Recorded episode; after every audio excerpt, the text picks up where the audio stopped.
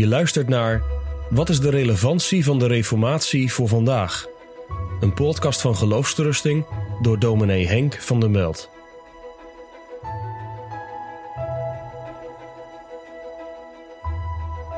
De Reformatie zou je kunnen zien als een terugkeer naar het woord van God. Soms wordt gezegd sola scriptura. Maar dat is een uitdrukking die voor veel misverstand vatbaar is. Want er is altijd meer dan de Bijbel alleen. De Bijbel heeft wel het eerste en het laatste woord. Maar we luisteren naar de schrift in gemeenschap met de kerk van alle eeuwen. En dat bepaalt ook de manier waarop tijdens de Reformatie de Bijbel werd uitgelegd. Niet de traditie van de kerk naast het woord, ook niet het instituut van de kerk dat heerst over het woord, maar wel het woord samen met alle heiligen. Dat bleek eigenlijk heel snel in de crisis in Zwitserland, in Zurich. Bij de reformatie die geleid werd door Ulrich Zwingli, waren een aantal van zijn radicale leerlingen het niet helemaal met hem eens. Ze zeiden, Zwingli, je gaat niet ver genoeg. Je durft zeker niet.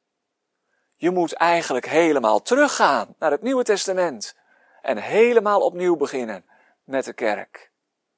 Die zogenaamde radicale reformatie uitte zich vooral in de afwijzing van de kinderdoop.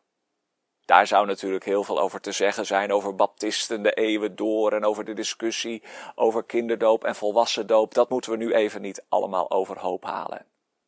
Maar wel het idee dat de Reformatie het woord van God wilde gebruiken om de bestaande kerk te hervormen en te reformeren. Dan kun je niet alles overboord zetten.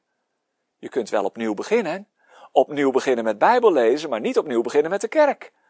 Die moet door het nieuwe lezen van de Bijbel gereformeerd worden. Hervormd. Zwingli ging lezen in de Bijbel. Waar staat het dan, die kinderdoop? We hebben dat niet uit de traditie van de kerk. Naast de Bijbel. Als we dat zouden toegeven, dan kunnen we net zo goed teruggaan naar Rome. Het moet in de Bijbel zelf te vinden zijn. Maar waar dan? Toen ontdekte Zwingli het verbond van God. Het ene verbond in het Oude en Nieuwe Testament. De besnijdenis van de jongetjes in Israël. De kinderen dus. Ze werden ingelijfd in het volk van God. Nou, als het toen al zo was dat de kinderen er helemaal bij hoorden, dan is het nu zeker zo. Denk ook aan teksten uit het Nieuwe Testament die dat suggereren.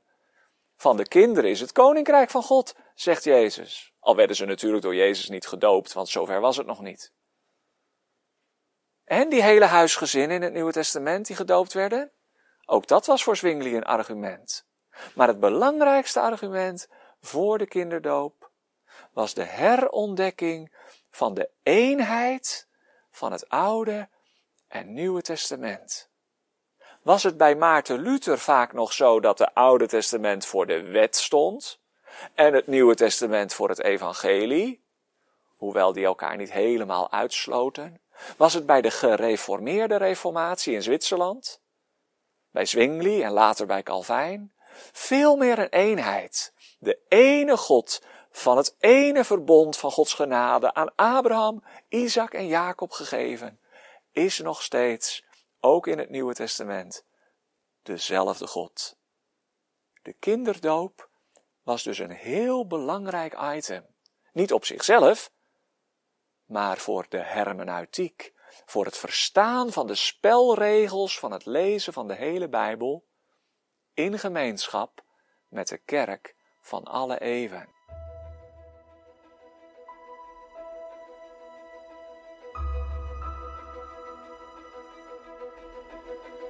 Je luisterde naar een podcast van Geloofsterusting. Wil je meer luisteren, lezen of bekijken? Steun dan onze missie en ga naar de website geloofsterusting.nl.